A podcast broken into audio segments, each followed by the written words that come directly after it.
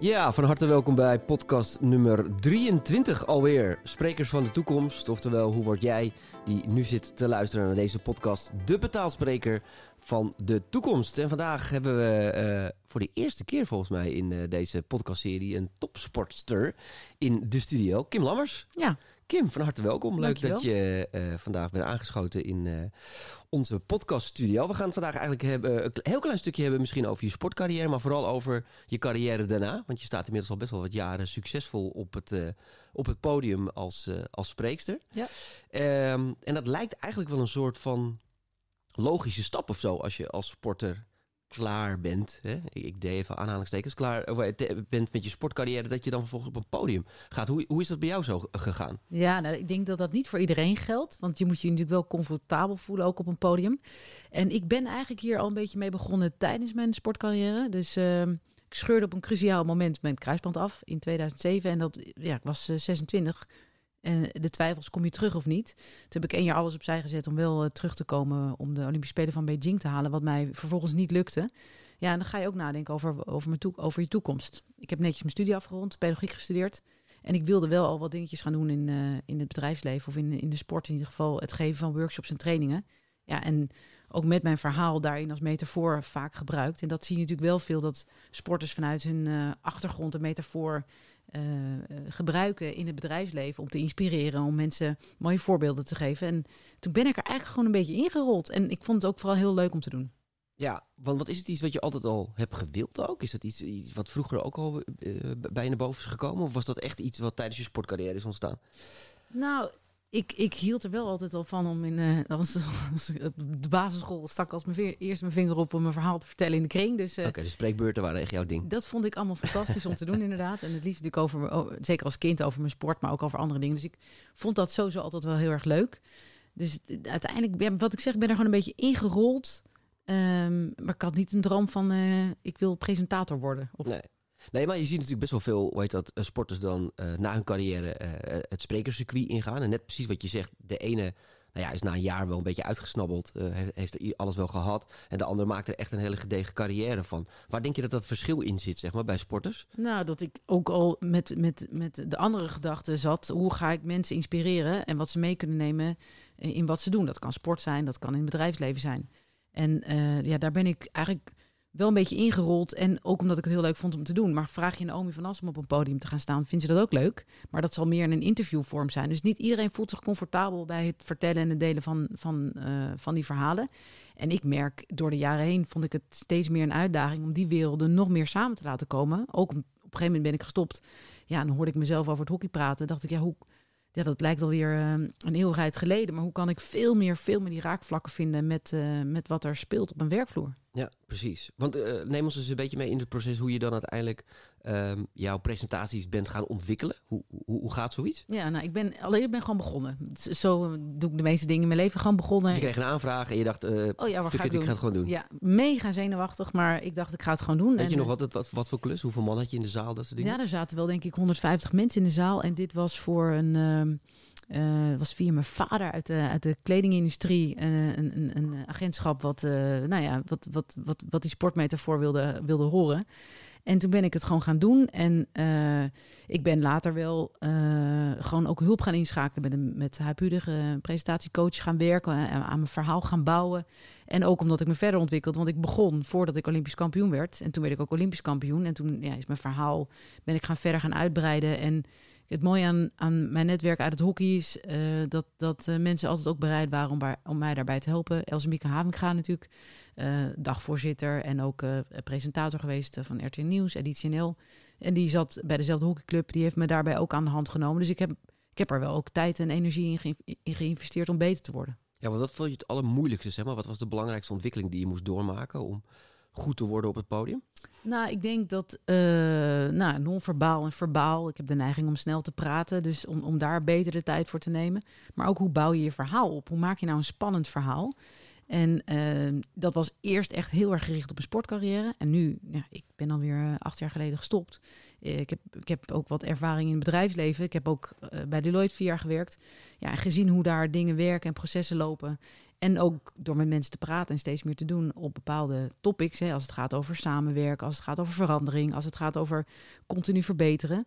Ja, ben ik daar gewoon dieper in gaan zitten en, en uh, uh, heb ik daarin mijn verhaal weer verbeterd. Ja, neem ons nog eens even mee naar, naar die eerste boeking, zeg maar. Want dat ging via je vader, zei je. Ja. Kende je de markt wel een beetje, de sprekersmarkt? Waarschijnlijk van andere sporters? Of? Ja, nou ja, een beetje. Mark Lammers natuurlijk, uh, oh ja. geen familie overigens. Um, die, die ging daar natuurlijk vol in na de, na de Spelen. En uh, uh, altijd leuk om die sportverhalen te horen. Dus ja, wat ik zeg, ik ben gewoon begonnen. Ja. En, um, maar dus, dan sta je ineens voor 150 man op het podium je verhaal te vertellen. Hoe, hoe voelde dat? Ja, dat, ik was wel gewend om voor groepen te staan. Dat vond ik allemaal niet zo spannend. Want ik had wel wat workshops en trainingen gegeven in, uh, binnen de sportwereld. Dus wat, wat kleinschaliger. Ja, en heel eerlijk, dat vind ik nog steeds over 150 mensen zitten. Over, ik heb ook wel eens voor, voor een uh, town hall met 2000 mensen.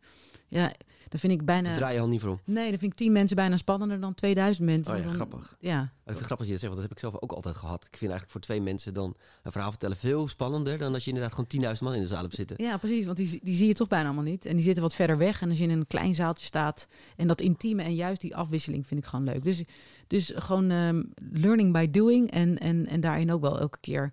Uh, in mezelf geïnvesteerd. Ik heb twee jaar geleden ook weer met Huip uh, gezeten om te kijken hoe kan ik me verder ontwikkelen. Misschien mijn verhaal verbeteren of, of niet alleen maar hetzelfde verhaal vertellen, maar dat ik ook, ja, ik ben met duurzaamheid bezig, ik ben met uh, um, inclusiviteit en diversiteit bezig. Hoe kan ik me daar zelf ook weer verder in ontwikkelen? Ja, want dat is denk ik best wel sporten, best wel een uitdaging op een gegeven moment ook voorbij je sport te gaan. Hè? Want je, in het begin kan je natuurlijk heel erg op je sportervaringen en de parallellen tussen topsport en het bedrijfsleven kan je natuurlijk redelijk varen. Maar op een gegeven moment kan me voorstellen dat je ook de behoefte hebt om een stap te maken wat, wat verder gaat dan alleen het sporten. Ja, precies. Nou, daar zit ik eigenlijk nu ook middenin. En, en ik denk dat mijn verhaal door de jaren heen zich op dat vlak al veel beter heeft ontwikkeld. Maar ik sta nu ook zeker op een punt dat ik me daar verder in wil ontwikkelen. Helpt het als je topsporter bent om, uh, om het circuit zeg maar, in te komen, het sprekerscircuit? Nou, denk ik wel uh, dat je toch een naamsbekendheid hebt. Hoewel ik soms, ik bedoel, het is alweer acht jaar geleden dat ik ben gestopt. En dan verbaas ik me soms over dat mensen me echt nog kennen, ook van het hockey. Dus, en ook door, de, door die zichtbaarheid kansen gekregen om andere dingen op tv te doen. Ik, ik, ik heb soms co-commentaar, analyses uh, voor, voor, voor televisie. Ja, dat helpt wel mee om in een stukje zichtbaarheid. Er zijn natuurlijk genoeg mooie voorbeelden van op dit moment. Met een Mark Tuitert, die ja, een veel geboekte spreker is. Ja, en uh, ja, want daar, daar is natuurlijk naamsbekendheid helpt dat bedrijven je sneller er tegenkomen om, om je te boeken, kan me zo voorstellen. Ja. ja en, en ook natuurlijk wat helpt is hopelijk doe ik het. Ik, ik, wat, we hebben net hiervoor al eventjes een voorgesprek mm. gehad dat ik heb ook bedrijven die me elk jaar weer boeken in hun, in hun programma. Dus nou, ergens zullen ze het ook goed en leuk vinden. En zo merk ik dat ook heel veel uit mijn eigen netwerk komt. Hè. Dus dan heb ik ergens gesproken en hebben mensen het gehoord. En die, ja, dan is het toch zo mond tot mond dat het ook weer bij anderen terechtkomt. Ja, precies. Maar maak je dan ook bewuste keuzes om uh, ja, bepaalde publiekelijke dingen te doen, uh, juist in, uh, met het idee om daar vervolgopdrachten uit te halen? Doe je dat bewust of, of, of, of, gaat dat redelijk organisch? Nee, dat gaat organisch. Ik weeg echt wel af. Vind ik het leuk om dat te doen of niet leuk? nee, daar, daar, dat vind ik, ik vind het belangrijk of ik het leuk vind en of het bij me past. Dan dat het zichtbaarheid oplevert om meer boekingen te krijgen. Ja. Want oké, okay, naast uh, het geven van lezingen geef je ook trainingen bij bedrijven, één op één coaching. Kan je daar wat over vertellen hoe dat eruit ziet? Ja, nee, ik doe ehm, dat doe ik wel vaak samen met, met andere mensen. Ik ben onderdeel van nou ja, een, een, een partij, een community waar ze trainers wegzetten bij, bij bedrijven. En dat doe ik samen met Christina Zoempollen. En um, ja, dan uh, organiseren wij de hele offsite voor een bedrijf, van klein tot aan kleine bedrijven tot aan grote bedrijven, maar meestal groepen van 10 tot 20 mensen. En dan ja, gaan we drie, drie dagen zitten we ergens op een mooie plek. En, en met het thema, wat op dat moment belangrijk is, ja, maken we een hele mooie training. Um, nou, Geef eens een voorbeeld, wat, wat, zo'n thema die naar voren komt dan? Um, nou, de laatste die we gedaan hebben was voor het bedrijf Totalux. En uh, zit in, in LED-verlichting en hebben gewoon, uh, zijn enorm aan het groeien. En uh, echt explosief aan het groeien. Dus uh, ja, dat, dat gaat verandering teweeg brengen met een hele trouwe club mensen die daar al vanaf begin af aan werken. Nou, toch zou je op een gegeven moment misschien toch wat door moeten gaan selecteren. Um, wil je je A-spelers aan je verbinden om Champions League te spelen, om maar even de sportmetafoor uh, te gebruiken. Dus uh, ja, op dat thema uh, or organiseren we een training.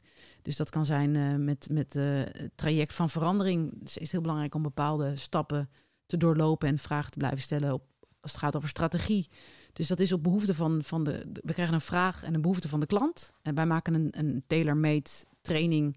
Um, en dan gaan daarmee aan de slag. En is dat een eenmalig of is dat ook een wat langer traject? Nou, dit vind, dit vind ik echt heel mooi. Bij dit bedrijf gaan, gaan doen we dat twee keer per jaar. Oké. Ja. Dus uh, ja, ik, ik zie enorm de meerwaarde daarvan. En uh, uh, ook leuk om dat met dezelfde mensen steeds weer... Ja, moet toch een wijze keer geven ook als je dan die mensen ziet groeien. Dat je ook ziet dat je, dat je, dat je helpt aan het uh, realiseren van een doelstelling. Ja, dat is echt te gek. En zo betrokken en ze vinden het ook super leuk. En het is heel wisselend, hè? Dus, dus het ene keer kan het thema ook gewoon een beetje fun en ontspanning zijn. Maar we proberen daar al wel tot iets in mee te nemen als het gaat over persoonlijke ontwikkeling en groei en, en de teamontwikkeling. Wat, wat neem je eigenlijk vanuit je uh, eigen sportcarrière mee naar je, ik noem het dan maar even, sprekerscarrière? Wat, wat, wat, wat, maakt jou zeg maar succesvol als spreekster? Um, wat je ook merkt dat je dat ook in je sportcarrière deed. Zit daar een overlapping in? Ja, aan de ene kant moeilijk te vergelijken, denk ik. En aan de andere kant, ja, ik was spits en ik wilde scoren. Dus ik wil gewoon ook die opdracht binnenhalen en hem goed doen. Weet je, dus als ik, als ik mijn trainingen afwerkte of als ik een toernooi speelde, wilde ik het maximale eruit halen. Ja, zo bereid ik ook uh, mijn presentaties voor. Zo ga ik. En zoek ik ook de uitdaging op. Hè. Dus uh, in het begin deed ik alleen maar Nederlands, uh, sprak alleen maar Nederlands. En toen op een gegeven moment kreeg ik een vraag om dat ook voor een internationaal bedrijf te doen. Oh ja.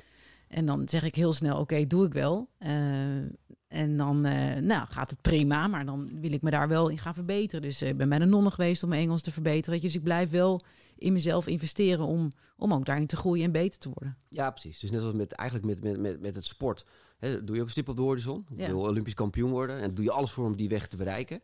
Uh, heb, je dan in, je spreekscarrière ook een soort stip op de horizon? Ja, die, ja ik, we, hebben, we hebben het hier net natuurlijk eventjes over gehad. Dus uh, ik, ik ben nu, heb ik het idee om wel iets met een boek te gaan doen. Ik wil een boek gaan schrijven of, of een, ja, niet, een, niet een biografie over mijn hockeycarrière, daar, daar heb ik geen behoefte aan. Maar wel een, uh, een boek waarin je ook de sportmetafoor weer kan gebruiken op bepaalde thema's. Als het gaat als het gaat over verandering, als het gaat over uh, persoonlijke ontwikkeling, groei, uh, samenwerken. Ja, hoe je die twee werelden mooi samen kan brengen en daar een, uh, ja, iets mee kan geven. Dat mis ik soms. Hè. Ik denk dat ik een heel inspirerend verhaal heb. Mm -hmm. En dan blijft dat waarschijnlijk nog even hangen. Of misschien nog wel een maandje. Oh ja, toen was Kim daar, was een leuk verhaal.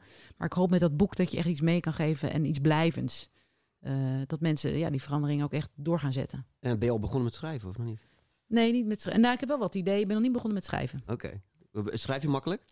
Um, ja, ik, ik heb al wel columns geschreven, dus ik schrijf wel makkelijk, maar ik ga daar wel ook zeker hulp bij inschakelen. Ja, vertel eens, want, want, want, dat is natuurlijk wel leuk, hè? Want heel veel sprekers denken altijd dat ze alles zelf moeten doen, zeker beginnende sprekers. Maar uh, je hebt al een paar keer gezegd, ook bij het maken van lezingen, schakel je wel hulp in. Kun je daar eens wat over vertellen? Hoe je dat, uh, wat, wat voor mensen schakel je dan in en hoe, hoe helpen je die? Ja, nou ja, in dit geval met, uh, met Huip was het gewoon het ontwikkelen van mijn verhaal. En ik dacht, dat kan beter. En ik kan het, ja, ik kan het voor een deel zelf. Maar ja, ik denk dat het heel goed is om. om ja, daar... want je, je, had de losse elementen, je had de dingen uit je carrière. Maar dat, dat moet dan een mooi, ja, lekker dacht, lopend verhaal dacht, worden. Het, ja, het kan beter. Misschien spannender. Misschien moet ik wat in mijn opbouw doen. Misschien moet ik mijn afronding doen. Uh, dus daar heb ik heel bij ingeschakeld. En ja, dat, maar ook dat heb ik dan. Je vraagt net om wat heb ik meegenomen uit mijn carrière. Heb ik ook hulp ingeschakeld om mijn corner te, uh, te perfectioneren. Of als ik. Uh, mentaal een beetje in de kreukels lag, schakelde ik ook hulp Precies. in om daarin te groeien. Dus dat is ook een beetje waar ik naartoe wilde. Hè? Want, want ik kan me zo voorstellen dat, dat, dat, dat, dat, dat sporter zijn, dat verlaat je lichaam natuurlijk niet. Dat verlaat je manier van hoe je iets aanpakt niet. Dus ik kan me voorstellen dat jij ook wel uh, nou ja, uh, gaat trainen om je sprekerskwaliteit te, te verbeteren. En je, ja. zei, je, zei, net al van, en daar wil ik graag zo meteen ook verder, van ja, die opdracht wil ik wel winnen. Weet je, als ik dan een opdracht heb, wil ik hem, wel, wil ik hem ook wel ja. pakken. Nou, daar ben ik ook wel heel nieuwsgierig naar van hoe pak je dat dan zakelijk aan met, met opdrachten krijgen? Hoe, hoe, hoe, hoe zorg je er uiteindelijk voor dat je opdrachten krijgt als spreker? Ja, nou ja, dat is, dat is je visitekaartje goed afgeven als je ergens mag spreken. Ja. En ook. Uh, ja, en, en dan bedoel je dat je een goede, dat je een goede opdracht aflevert. Ja, precies. Ja, precies. Dat, er ja. gewoon, dat ik wil gewoon kwaliteit leveren. Dus ik zorg dat ik voorbereid ben. En het is ook wel eens voorgekomen dat ik niet zo goed voorbereid ben. En dan heb ik daar ook de, de balen van. En uh, dan ben ik ook echt wel kritisch op mezelf. En het is investeren in je netwerk, zorgen voor een stukje zichtbaarheid. Uh, niet alleen door af en toe een keer iets op televisie te doen, maar ook nou ja, door met mensen als jij te spreken en ja, daarin uh, gewoon zichtbaar te zijn. Ja, want dat, uh, een vraag die ik heel vaak krijg, maar ik ben altijd heel erg benieuwd uh, hoe, hoe, sprekers daar tegen aankijken. Want ik, jij staat bij best wel wat sprekersbureaus ingeschreven. hoe maak je een selectie, zeg maar, qua spreker? Heb je zoiets van, ik schrijf me gewoon bij iedereen en ik zie het wel? Of wat is daar bij jou de strategie achter? Nee, niet bij alles en iedereen. Ik bedoel, ik, bij de meeste ben ik, ben ik zelf benaderd. En dat was ook misschien een beetje bleu toen ik net begon. En ik denk dat ik de meeste opdrachten haal ik echt nog uit mijn eigen, eigen netwerk binnen. Maar ik denk dat, uh, dat er een aantal uh, sprekersbureaus, uh, kwalitatief goede sprekersbureaus zijn. Daar wil ik graag mijn naam aan verbinden. En ja, ik zie ook daarin dat je elkaar alleen maar kan versterken. En kijk, de volgende, je vroeg mij over mijn stip op de horizon. Ik wil ook wat meer dagvoorzitterschappen gaan doen. Ik vind gewoon het presenteren leuk. Ik presenteer een radioprogramma. Uh, moet je ook de boel uh, aan elkaar praten. Daar word ik weer iets meer in uitgedaagd dan, uh, dan het presenteren als, als sportspreker, om ja, maar even zo te zeggen. Echt van de keynote, zeg maar. Ja. ja. Dus ehm, ja, dan denk ik gewoon dat het goed is om gewoon op verschillende platformen zichtbaar te zijn. Ja, wat, wat, wat vind je zo leuk aan dagvoorzitterschap? Want ik kan me voorstellen dat uh, dat wel intensievere trajecten natuurlijk zijn. Want een lezing, daar is vaak, uh, wat zal het, een drie kwartier, een uur uh, sta je op het podium, ben je weer weg. Dagvoorzitterschap ben je vaak natuurlijk de hele dag eh, aanwezig. Moet je denk ik wel iets meer inlezen, ook in, in de materie, dan ja. bij een keynote. ik hoor juist vaak sprekers zeggen van, nou laat mij maar lekker lezingen geven. Dan kan ik veel meer massa draaien dan uh, dat je met dagvoorzitterschap kan doen. Wat is voor jou de keuze om het dan toch te doen? Nou ja, ook, ook omdat ik meer aan het op een andere manier aan het presenteren ben, nu voor een radioprogramma, dan ja. moet je ook ingelezen zijn en goed luisteren. Het is ook, ook luisteren wat daar op een podium gebeurt. Ja, en ik vind het, ik ben een verbinder in mijn werk in heel veel dingen. En hierin kan je ook een verbinder zijn tussen de mensen die luisteren en de mensen die op het podium staan. En ja, ik vind dat een, een uitdaging om mezelf ook verder te gaan ontwikkelen. Dus ja. uh, ik, ik, zie het als. als uh, ik denk dat ik er ook een betere keynote speaker van word door dagwoordschap te doen. Ja, precies. Omdat je daar weer bepaalde talenten of bepaalde kwaliteiten uithaalt die je ook weer in je lezingen kan meenemen. Ja, ja mooi. Hey, jij hebt natuurlijk, uh, je staat al wat jaren op het podium. Uh, toen kwam corona ineens om de, om de hoek. Hoe, hoe ben je daar spreken mee omgegaan? Ben je gewoon gestopt of ben je meegegaan in de nieuwe ontwikkelingen? Nee, nee, nee, ik ben zeker niet gestopt. Maar al mijn werk stopte. Ik doe nog meer dingen dan alleen het spreken. Ja. Uh, alles stopte in één week. Dus dat vond ik echt wel heel heftig. Maar ja, ik uh, ben ook wel weer een, iemand die in oplossingen denkt. En uh, ik ben als grap eigenlijk sportlesjes gaan geven in mijn netwerk. En dat, dat ging heel snel. dus op die manier had, verdien ik gewoon weer even wat geld. En het was heel leuk. Het was natuurlijk een prachtig voor, voorjaar. En ehm, drie maanden later deed ik ook online lezingen. Maar daar ben ik niet aan gewend geraakt hoor. Ik bedoel, ik ben blij dat. Nog steeds niet? Nee? nee, ik vind het echt veel minder het gevoel. En dan heel vaak gaat er dan toch nog weer iets met de techniek dat het niet lekker stroomt. Of uh, nee, ik mis echt die interactie met het publiek. Daar, ik, ik hou van dat podium. En dit is, het is een fantastische oplossing. En ik ben heel blij dat het kan. En ergens zie ik ook wel weer dat je. Ik probeer er ook maar weer van te leren dat je in zo'n camera kijkt en rustig spreekt. En probeert, omdat je dat gevoel van die fysieke aanwezigheid mist, probeer ik ja, probeer ik echt toch die mensen te raken. Dus weet je, ik vind er wel weer een uitdaging in. Maar ik kan niet wachten tot we gewoon weer. Uh, ik zie hier achter jou uh, hangt een foto van een prachtig groot podium met mensen in het publiek. Ja, dat, is, dat vind ik het leukste. Ja, maar je, je, je had natuurlijk wel al wat ervaring op tv, kan ik me zo voorstellen. heb, heb je die ervaring ook mee kunnen nemen in die online events? Of nou, dat vind ik anders. Ik werd op voor tv is het meer dat je geïnterviewd wordt oh, of ja. dat je. Want hoe zag zo'n online event er dan uit? In jouw geval was, stond je dan echt voor een camera je kino te geven? Ja, precies Oh, ja. dat. Ja, nee, ja, het meeste op die manier inderdaad. Dus eh, dat je. En er zijn ook veel bedrijven die het zelf doen. Hè? Dus het is gewoon via Teams of via Zoom. Ja, dan. dan ja, dat heeft weinig. eh, ik, ik, ik, nee, ik vind eh, ik- nogmaals, ik ben blij dat het kan. Maar Ja. ik doe mij maar gewoon. en, kan het ook gewoon een zaaltje zijn met die mensen. Hè? Maar dan heb Ja. je wel dat gevoel. Maar zal het blijven, denk je, die online eh Ja, een event? deel, een deel zal denk ik wel blijven. Dus eh, ik vind niet stom, maar ik sta liever voor, eh, voor, voor een, een, live fysiek publiek. Ja, nou ja, dan, dan, dan, dan maar hopen dat alle ontwikkelingen met de metaverse, waar we het net nog over, met het interview met Carla Verlien, natuurlijk niet te snel gaan, die ontwikkelingen. Want dan staan we over een paar jaar allemaal met een VR-bril in huis eh, eh, eh, een, event te ervaren. Ja. Nou, het mooie vind ik wel, hè, als je gaat kijken ook naar die ontwikkelingen nu twee jaar dat we online bezig zijn, is ook hoe, hoe de, de platformen daarop inspelen. Dus dat, dat je eerst bij Microsoft had je alleen in Teams dat je dat je je scherm deelde. En nu kan je echt als een soort eh, weervrouw staan in je, in je presentatie. Dus het, het heeft zich wel doorontwikkeld, wat het wel makkelijker maakt, vind ik. Het wordt, hoe snel gaat dat? Eh, maar er is niks. En ik geloof, ik geloof niet dat we helemaal eh, naar alles online gaan. Ik bedoel, uiteindelijk is het toch mooi om, om ook samen te komen en een mooi event te organiseren. Dat we op die manier kunnen delen en inspireren. Nou ja, je, je merkt het nu ook wel weer gewoon, nu de markt weer een beetje wat open gaat, is dat, dat alles meteen ook weer uitverkocht is. Mensen willen heel graag weer naar concerten, mensen willen heel graag weer naar theater, mensen willen naar uh, weer congressen gaan organiseren. Uiteindelijk hebben we ergens een soort van behoefte om elkaar altijd weer te treffen. Hè? Want toen social media kwam, of toen internet kwam, dacht ook iedereen, nou ja, dan uh, gaan we elkaar op een gegeven moment allemaal kwijtraken. Maar juist ook door social media, we hebben wel eens theater tours georganiseerd voor influencers. Omdat mensen heel erg de behoefte hadden om die influencers te ontmoeten. Ja. Dus ik denk dat die mix.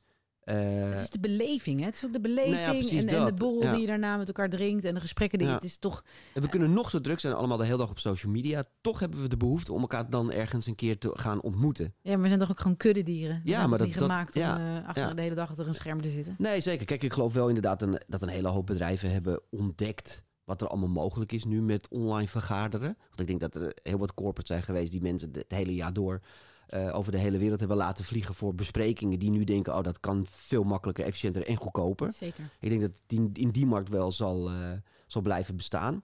Maar echt, wanneer je mensen wil gaan inspireren, want dat merk ik vooral, dat is lastig online. Kijk, informeren kan echt nog wel Ja. eh, zenden. Maar ehm, eh, inspireren is toch wel lastig. Want Ja. daar is toch die één op één en die elkaar aankijken, elkaar aanraken, elkaar voelen. eh, is dat toch wel heel erg belangrijk eh, bij. Ja, zeker. Ik had eh, vorig jaar, een, eh, voor kerst was dat, dus iedereen was ook echt wel moe van het online eh, vergaderen. Het was een heel mooi programma voor een bedrijf. En ik zat als laatste in dat programma. En ook hoe ik in beeld gebracht was, was zeg maar heel klein. Dus ik was niet eh, met profiel in beeld, maar ik was als, nou ja, als poppetje in beeld, maar zo te Oh ja, En ik was in een drie uur durend programma als laatste. een soort avatar. Of, eh, Ja, ja precies. ja. Dus, ehm, en toen kreeg het, ze, ze hadden een survey gedaan eh, naderhand. En toen kreeg ik, nou, niet mijn allerbeste recensies. Nou, daar was ik echt, daar baalde ik van. Dus ik heb die CEO opgebeld. Ik zei, nou ja, ik ben gewoon benieuwd. Was je tevreden? Wat vond jij wat beter kan? Want ik, ik, ik heb nog nooit zo'n slechte recensie gehad. Dus ik baal daarvan. ja. Nou, en dan was het ook, nou, deze mensen hadden misschien wat minder interesse in sport. Maar ook, ik, omdat ik als laatste in het programma zat. En dus daar leer je dan ook weer van voor de volgende keer. Dat ik gewoon niet meer zo in beeld gebracht wil worden. Dat als, als ik spreek online, moet je mijn hoofd goed kunnen zien. En Oh, ja. moet je de emotie kunnen zien en voelen. ja. Is het iets wat je, wat je vaak doet? Eh, hoe heet dat? Aan klanten referenties vragen? Of eh, desnoods eh, beoordelingen van, van bezoekers? Nou, dat doen we met onze trainingen wel altijd bij bedrijven. Ja. Met gewoon, die feedback is gewoon heel waardevol. En dit was, dat heeft het bedrijf zelf gedaan. Dus eh, eh, ik, niet zozeer zelf dat ik er nu navraag naar heb gedaan. Ja, en die als bureau doet volgens mij ook dat je Zeker. vraagt Ja. bij de klant. En dan, ja, als het niet goed is, dan wil ik die terugkoppeling al, altijd weten. Ja. Heb je wel eens iets heel geks meegemaakt op het podium? Nou ja, ik heb één keer. Toen was ik als dagvoorzitter gevraagd door een vriendinnetje van mij, succesvol onderneemster Janneke Niezen, om eh, dagvoorzitter te zijn bij de Inspiring 50. Dat is een, eh, Inspiring 50, mooi ja, hè? Ja. een groep vrouwen, meest succesvolle vrouwen wereldwijd. Die waren bij elkaar gebracht voor een dag en ze had last minute eh, iemand afgezegd, kan jij Kim? En ik had niet doorgevraagd. Ik zei, tuurlijk Janneke, ik ga je helpen. En toen hoorde ik de dag daarna, en ik was op vakantie in Ibiza, dus ik kwam terug. Ik had één dag om me voor te bereiden. En eh, het was ook allemaal in het Engels. Toen dacht ik, oh mijn god, waar heb ik nu weer ja tegen gezegd? Ik moest eh, Maxima aankondigen. Ik moest eh. Mark Rutte interviewen. Nelly Kroes was aanwezig. Ik dacht echt, Geen kleine line-up, zeg ik maar. wil dood. Ik wil dit niet doen. Maar goed, ik ben de hele dag heb ik me gaan zitten, heb ik me voorbereid en ik was echt knetterzenuwachtig. En dat zie je, dat zie je heel duidelijk aan mij. Zie je aan iedereen. Ja. Maar, ja. Dus ik voelde me trillip en, en, en Nelly Kroes was daar. En, en toen had ik... ehm, eh, ik heb Mark Rutte ooit ontmoet omdat wij geridderd zijn eh, met de hockeyploeg nadat wij goud hadden gewonnen. En hij was in gesprek met, eh, met Nelly Kroes over eh, Angela Merkel. En ik had al gevraagd, hoe moet ik Mark aanspreken? Moet ik hem als premier Rutte aanspreken? Dus, dus ik, uiteindelijk vroeg ik het hem. Ehm, en toen zei ik, we hebben elkaar eerder ontmoet, eh, mag ik je Mark noemen? En toen zei hij, oh, ik dacht dat je Maxima was. Ik zeg, ja, nee, eh, Ma- Maxima heeft het, beeld, heeft, eh, is, heeft het pand verlaten en ik neem het hier vanaf hier over. Maar dat interview, hij was heel relaxed. En hij maakte het dat het voor mij ook relaxed was. Maar toen was ik klaar. En toen stonden we op. En toen wilde ik hem de hand schudden. En toen pakte hij me vast. En toen kreeg ik drie dikke zoenen van hem. En prompt begin ik in het Nederlands door te praten. Oh, en ik zeg, oh, ik ben helemaal van me apropos. dus maar ik, ik, daarin geloof ik ook wel weer. Het is ook de, de kracht van kwetsbaarheid. weet je. Ik, ik, was daar, ik, ik was mezelf, ik was puur en ik maakte fout. Ik was daar echt niet mijn allerbest. Dat ga ik ook nooit meer doen als ik maar één dag voorbereiding heb op zoiets groots. Eh, en dan was het ook allemaal in het Engels. En dan maak ik dat nog, nog twee keer zo groot. Dus eh, ik heb er wel veel van geleerd. Nou, ik vind het mooi dat je het zegt, want die, die kwetsbaarheid is ook heel erg belangrijk. En je merkt dat er zeker eh, sprekers, maar ook ondernemers in het begin van hun carrière altijd een bepaalde rol aannemen. Hè? Van, oh ja, als ik dan spreek ben, dan moet ik nou ja, netjes in pakken. Dan moet ik dit, zo, zo, zo. Ehm, maar juist door jezelf te zijn op het podium, wat dat ook betekent voor jou, dat is, dan maakt het helemaal niet uit tegen wie je ook tegenover je hebt zitten. Of je dan inderdaad een minister-president heeft, of een grote directeur van een bedrijf, of, of een bouwvakker. Als je gewoon jezelf bent, dan kan je met iedereen ook die connectie maken op het podium. En je mag ook best wel eens een keer op het podium gewoon je vak op toegeven. Ja. En gewoon zeggen van, oh ja, oh ja, ik ben de kluts kwijt, Ja. of what- whatever. Nee, ja, dat, dat gebeurde daar echt. En die kwam vanuit mijn hart. Gewoon, oh, Ja. ik ben helemaal van propos. En ik had de lachers gelukkig op mijn hand. Hè, dus Ja, ja maar omdat, omdat je dat dan vanuit kwetsbaarheid doet, kan het ook bijna niet dat mensen je er dan op be- of ver- veroordelen. nee. Eh, wel als je dan heel kunstmatig het spelletje gaat proberen, want Ja. dan, dan voelt het dan eh, nee, maar dat kan ik niet. heel onnatuurlijk. Kan Ja. Hey, eh, je zei ook even iets tussendoor dat je iets van één op één coaching Ja. doet. Hoe, hoe ziet zoiets eruit? Nou, ik coach mensen in een afvaltraject door middel van een maagballon. Oké. En dat is vanuit een bedrijf. En dat, in dat traject worden ze helemaal gecoacht en begeleid. Dat is de, de grootste aantal coaching wat ik doe. Ik heb daarnaast ook nog wel mensen die gewoon in een coachingstraject zitten, die, die zich verder willen ontwikkelen. Maar ik gebruik wel in heel veel dingen dezelfde methode, want het gaat over een stukje gedragsverandering. Ik ga deze mensen niet vertellen wat ze eh, allemaal moeten eten, maar veel meer gericht op hoe, hoe verander je gedrag en hoe hou je dat vol. En ehm, ja, dat werkt echt heel succesvol. Ja, precies. En daar neem je uiteraard weer je ervaringen uit topsport weer in mee. Ja, maar ik heb pedagogiek gestudeerd, dus ik ben opgeleid Ah, voor het coachen van mensen. Ja, precies. Oké. Interessant. Je En doet ik best wel veel dingen eh, naast ja, elkaar, klopt, klopt. Soms is dat ook wel heel onrustig. En ik heb afgelopen twee jaar ook wel gebruikt weer voor gewoon opleidingen. Dus ik heb wat coachingsopleidingen weer gedaan bij eh, ja, wat, wat, wat alleen maar weer gewoon ehm, extra tools biedt en eh, mijn skillset weer breder maakt om nou ja, dat beter te kunnen doen. hè? Ja. Is het iets wat je, wat je altijd hebt gehad, dat je graag veel verschillende dingen naast elkaar doet? Ja. nou ja, studeren, hockeyen, had ik mijn bijbaantjes. En kijk, ik ben niet gemaakt voor... Kijk, als ik elke dag een lezing zou hebben, eh, zou ik ook niet blij worden. Want dan wordt het een trucje en dan wordt het... lopende bandwerk. Precies, Ja, dat, en dat wil ik niet, want ik wilde daarin ge- uitgedaagd blijven worden. Dus ehm, ik ben in het hockey nog actief als trainer-coach. Eh, ik coach één op één mensen en ik, ja, soms is het heel druk en soms is het wat rustiger. Ik heb ook geen baan van maandag tot vrijdag, van 9 tot 5. Ik werk soms zeven dagen in de week, soms op zondag, soms niet op maandag. Weet je, dus dat wisselt gewoon. En dat vind ik heerlijk. Ja, je- niet, niet te veel structuur en, eh, en, en hetzelfde, zeg maar. Nee, nee, nee, daar ga ik echt niet goed op. Ja. Hey, wa- wat zijn, eh, je hebt net een klein beetje ti- tip van de sluier gegeven over je, over je boek. Hè? Dat je denkt van, god, ik zou wel eens een keer een boek willen schrijven. Ehm, zijn er ook nog andere dingen waar je op dit moment ziet, eh, heb je je carrière, denk van, nou, dat zijn nog stippen voor mij op de horizon? Nou, ik, ik ben eh 40 en ik ben dan zo'n... zo'n Gefeliciteerd. Nee. Mooie leeftijd. Ja, toch? Even oud of niet? Ik ook, ja. Nee, dan ga je terugkijken en dan denk je, wow. En ik ben natuurlijk, ik heb vrij lang gehockeyd. En best wel onzeker geweest over wat ga ik na het hockey doen. Wat kan ik allemaal wel? Heb ik veel groter gemaakt dan, eh, dan dat uiteindelijk in de praktijk is. Want ik ben ambitieus, ik wil graag leren, ik wil graag groeien. En ehm, ja, nu, nu heb ik dat achter de rug en dan ga je weer vooruit kijken. Wat wil ik? En ik heb wel een droom uiteindelijk. Iets met coaching. Eh, ik zie een soort hele mooie boerderij voor me. eh, waar, waar ik mensen en teams kan ontvangen. Om, eh, om daar een, nou ja, een bedrijfsuitje te doen. En dan meer gericht op wel hoe kan je groeien als groep. Maar ook ontspannen in een mooie omgeving. En ehm, ja, ik hoop dat ik tot mijn tachtigste door mag blijven werken. Dat, dat je daar uiteindelijk ook misschien een bed and breakfast van kan maken. Als ik helemaal echt heel veel ouder ben. Ja. Dus, dus die twee werelden van het Maar ben je spreken. dan eigenlijk op zoek naar wat meer rust uiteindelijk in je leven?